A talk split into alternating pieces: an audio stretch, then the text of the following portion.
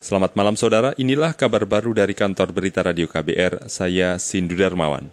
Komisi Bidang Pertanahan DPR mendesak pemerintah menggunakan cara-cara yang humanis dan bersifat kekeluargaan dalam menyelesaikan konflik agraria. Hal ini disampaikan anggota Komisi Bidang Pertanahan DPR Gus Pardi Gaus menyikapi konflik agraria di Wadas Jawa Tengah dan sejumlah wilayah lain.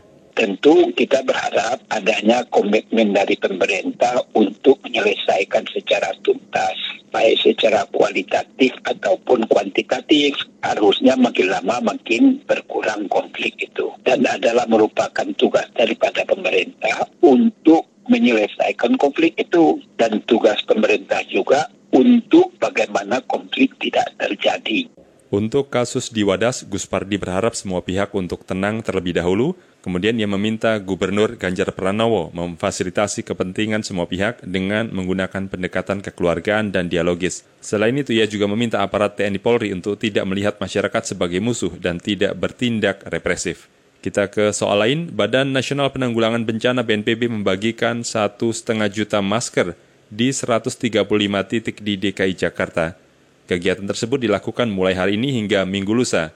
Sekretaris Utama BNPB Lili Kurniawan mengatakan, kegiatan itu untuk memperkuat kembali disiplin protokol kesehatan di masyarakat, terutama pemakaian masker.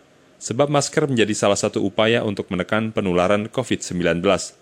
Untuk hari ini, wilayah pembagian masker di Jakarta antara lain di Cikini, Gondang Dia, dan Menteng. Saat ini kasus aktif di DKI Jakarta mencapai lebih dari 86 ribu.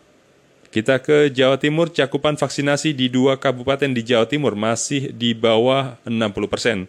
Anggota Satgas COVID-19 Pemprov Jawa Timur, Makian Jibril, mengatakan faktor penyebab vaksinasi rendah di dua daerah itu lantaran kurangnya minat masyarakat.